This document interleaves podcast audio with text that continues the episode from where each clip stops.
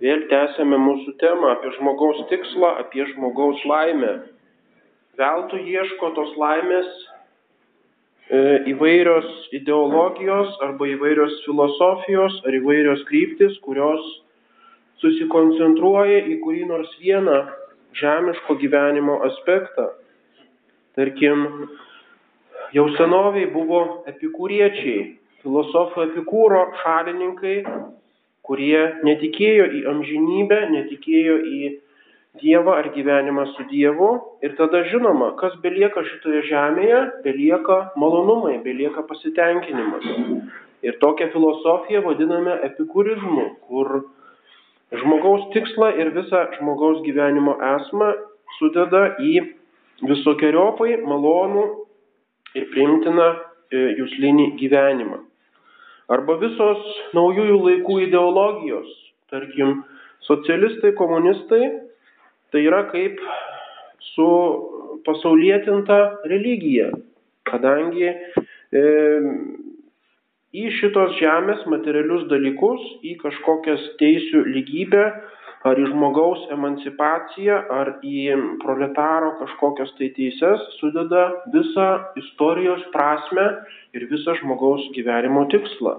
Viskas turi būti nukreipta į tai.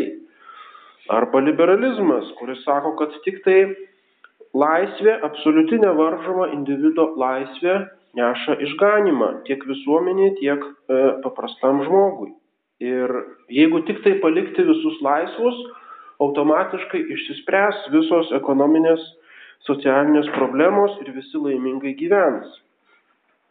Ir visos tos ideologijos iš karto susikompromituoja, bet žmonės nelinkia pripažinti to, tos, to susikompromitavimo, vis tiek paskui grįžta ir grįžta šimtą kartų prie to ir vėl kartoja tas pačias, tos pačius nuvalkytas tiesas, kadangi užsidarė toje žemiškoje realybėje ir nemato nieko, kas už jos.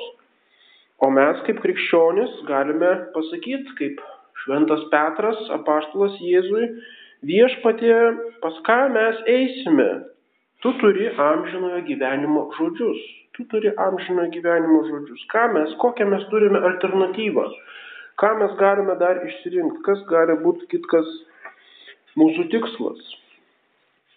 Ir štai, jeigu kalbame apie priemonės į amžinąjį tikslą, kalbėjome apie, kad visi dalykai yra priemonės, tai taip pat ir įvairios kliūtis, ir kančios, ir persikėjimai taip pat yra priemonė. Tai yra labai svarbi tiesa, kurią mes kažkaip tai tuoj pat pamirštame, kai tik tai tenka kažką tai pakentėti.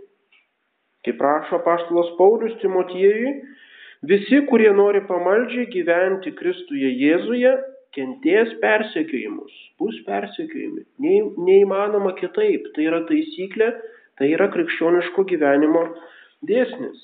Visas krikščioniškas gyvenimas yra nusėtas kryžiais, yra tam tikra švelnesnė ar aštresnė kankinystės forma. Pirmųjų amžių šventieji buvo visi kankiniai. Ir tai buvo idealas visiems kitiems krikščionims, kad kas iš esmės yra krikščionis, tai yra kankinys. Žinoma, ne visi kenčia už tikėjimą, ne visi kenčia prarasdami gyvybę, bet vienaip ar kitaip kentėti turi visi. Ir todėl šventasis Grigalius didysis, bažnyčios mokytojas, sako, kas, kuo žmogus gyvena mažiau pamaldžiai, tuo mažiau jis turi kentėti persekiojimu. Tai yra logiška. Reiškia, jeigu žmogus iš vis pameta pamaldumą ir tą ryšį su Kristumi, tada jo gyvenimas tampa lengvesnis, jis nebekenčia persikėjimo nuo šito pasaulio, kuris yra priešingas Kristaus dėsniams. Taigi jeigu visiškai nekenčiame, nepatirime jokio persikėjimo, tai galbūt pernelyg esame susiję su tuo pasauliu, galbūt kažkas negerai mūsų gyvenime. Jau apaštalams apa, viešpats Jėzus sakė, siunčiu jūs kaip avis tarp vilkų. Deja, deja, tai galioja ne tik apaštalams, bet visiems krikščionims. Esame kaip avis tarp vilkų. Visą laiką turime mažiau apsiginimo priemonių, negu tikėjimo priešai turi puolimo priemonių. Visą laiką taip yra. Arba vėl šventasis Jonas Krizostomas, taip kaip plėšikas nekenčia šviesos, taip nusidėjėlis nekenčia teisėjo. Kai tik tai nusidėjėlis pamato teisųjį, tiesiog jam sukyla visas, visa neapykanta ir jis bent jau žodžiu stengiasi jį kaip nors apšmeišti, paneigti jo darybę arba jį nukreipti nuo tos darybės kelio. Pamaldus žmonės arba religingi žmonės net laikomi keistuoliais ir kvailiais. Ir tai nuolat pabrėžia paštalas Paulius laiškė korintiečiams, kad jeigu norite nuosekliai gyventi pagal Jėzaus gyvenimą, būsite laikomi bepročiais, būsite laikomi kvailiais šito pasaulio akise.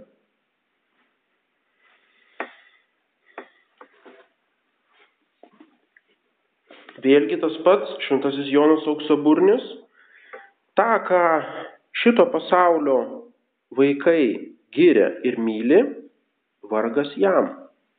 Nes pasaulis myli tik tai tuos, kurie nekenčia Jėzaus Kristaus.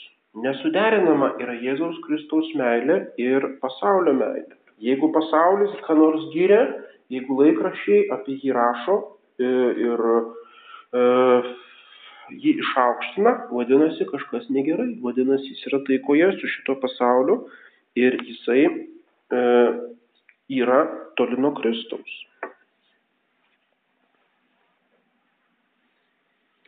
Kiekvienas, kas klausosi mano žodžių ir e, elgesi pagal juos, bus e, panašus į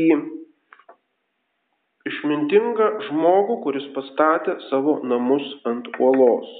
Tas, kas pasirenka savo tikslų ir vienintelę savo gyvenimo kryptimi Jėzaus Kristaus mokymą, toks žmogus galų gale yra kaip tas, kas pasistatė savo namus ant uolos.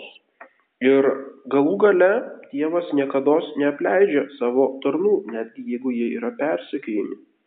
Tarkim, Senajame testamente Juozapas Egipte, e, jis buvo persekėjamas savo brolių ir galiausiai parduotas kaip vergas ir nublokštas į Egiptą, bet visa tai jam galų gale išėjo į gerą. Ir ne tik tai jam, bet tiems patiems jo broliams, jo tėvui ir visai žydų, žydų tautai.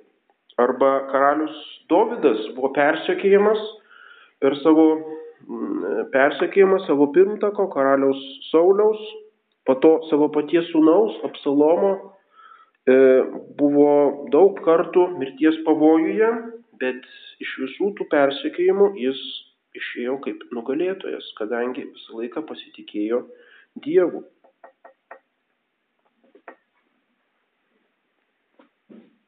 Vėlgi šventasis Jonas auksaburnis, geras krikščionis, neturi bijoti nei žmogaus, nei velnio. Nes jeigu Dievas su mumis, tai kas prieš mus? Jeigu Dievas mūsų pusėje, arba greičiau, jeigu mes esame Dievo pusėje ir esame susivienyje su Dievu, tai kas gali būti prieš mus? Koks žmogus, netgi pats galingiausias ar netgi velnės, nieko mums negali padaryti. Šitas pasaulis yra ašarų pakalnė. Taip kaip gėdame salve regina in hak lakrimvarum valė, šitoje ašarų slėnyje, verksmo slėnyje esame. Arba, kaip dažnai bažnyčios tėvai sako, pasaulis tai yra didelė ligoninė, kurioje tiek žmonių, tiek ligonių, kiek iš viso žmonių šitame pasaulyje. Visi esame tokiais pacientais. Pacients pacientas tai latiniškai kenčiantis. Visi vienai par kitaip kenčia, vadinasi, visi esame pacientai toje didelėje ligoninėje. Vieni labiau kenčiame, labiau sergame, kiti mažiau. Ir todėl Šventojo testamento, Senojo testamento kentėtojas Jobas irgi sako, visa, visa, visas žmogaus gyvenimas šitoje žemėje yra milicija. Tai yra e, Karinė tarnyba, taip kaip senoviai ar viduramžiais kareivių gyvenimas buvo labai sunkus, jis nuolat rizikavo savo gyvybę, nuolat kentėjo nepriteklius, turėjo keliauti didelius atstumus, nešioti ginklus ir taip toliau. Ir tik tai svajojo, kada gaus savo atlygį, kada bus išleistas iš savo rekrūto tarnybos. Taip ir visas mūsų gyvenimas yra tokia karinė tarnyba. Esame kareiviai nuolatinėme pavojuje ir taip mažai patiriame e, malonių, malonių gyvenimo valandų.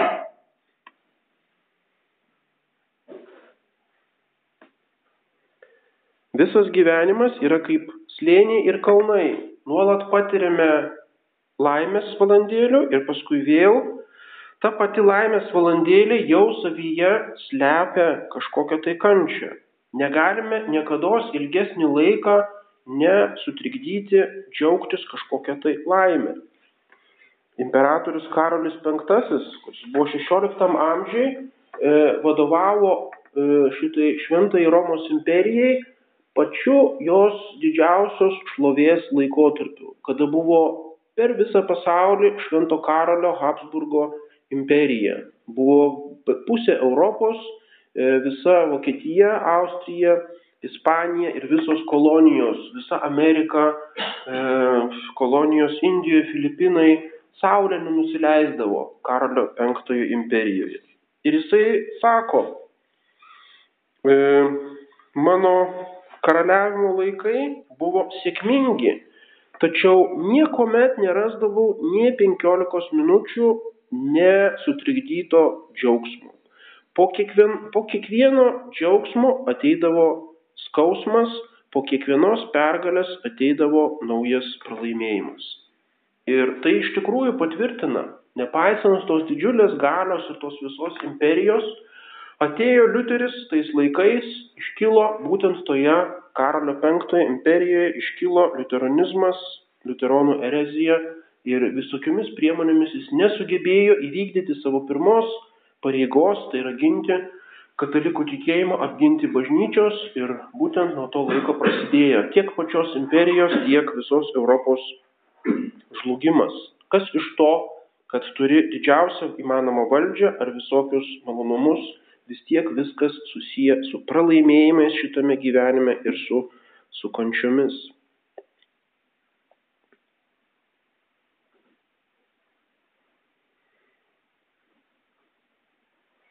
Svarbiausia, ką pasirenkame. Svarbiausia, kokius statome savo prioritetus. Svarbiausia, ko norime iš to gyvenimo ir ko tikimės.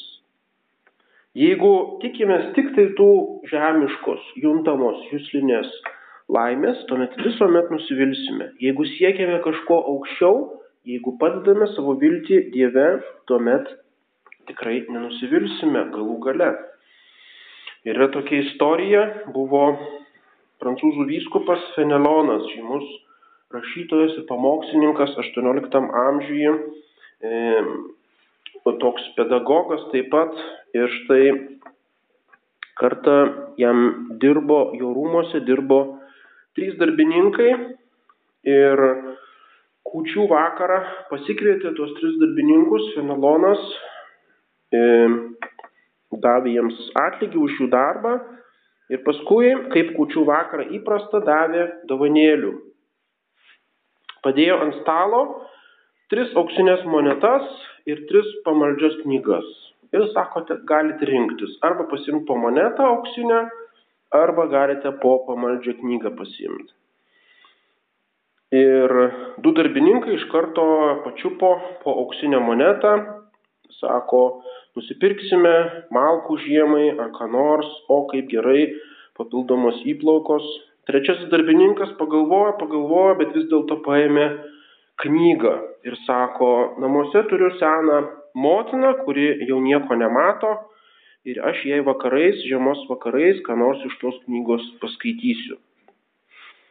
Ir tada vyskupas e, nusijokė, sako, atversk tą knygą pirmą puslapį, atvertė, o tenais ant pirmo puslapio priklijuotos trys auksinės monetos. Reiškia, tas, kuris pasirinko knygą, tai laimėjo daug daugiau negu tie, kur pagrėbė po monetą, nes gavo ir knygą, ir ne vieną monetą, o tris monetas. Ir tuo būdu, tokiu valstietišku paprastu būdu, reiškia, Fenelonas pamokė žmonės, kad vis dėlto geriausia rinktis, kas yra aukštesnis. Nes jeigu turėsi dvasinį gyvenimą, jeigu turėsi vilti Dieve, jeigu skaitysi apie Dievą, domėsiesi, tai tada galų gale tau ir žemiškame gyvenime seksis. Galų gale turėsi stabilumą, turėsi tokią ramybę, kuri tau neleis blaškytis, neleis daryti klaidų, neleis eiti paskui kažkokį betarpišką žemišką malonumą ir galių gale būsi dar šitoje žemėje, kad tam tikrų būdų apdovanotas. Toks,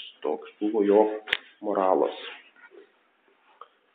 Gal turit kokių klausimų, jeigu iškyla kokie nors klausimai, visą laiką galima prieš sekmadienį pasiruošti, kažką užduoti, kokios nors temos susijusios su dvasiniu gyvenimu arba su religija.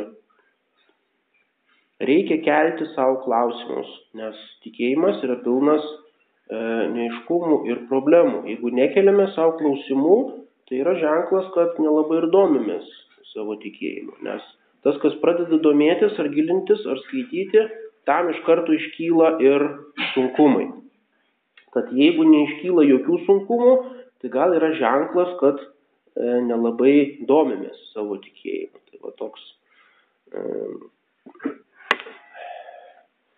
tokia mintis, kad e, kelti savo sunkumus. Jeigu turim per mažai problemų gyvenime, tai dar pasidarykim tų problemų.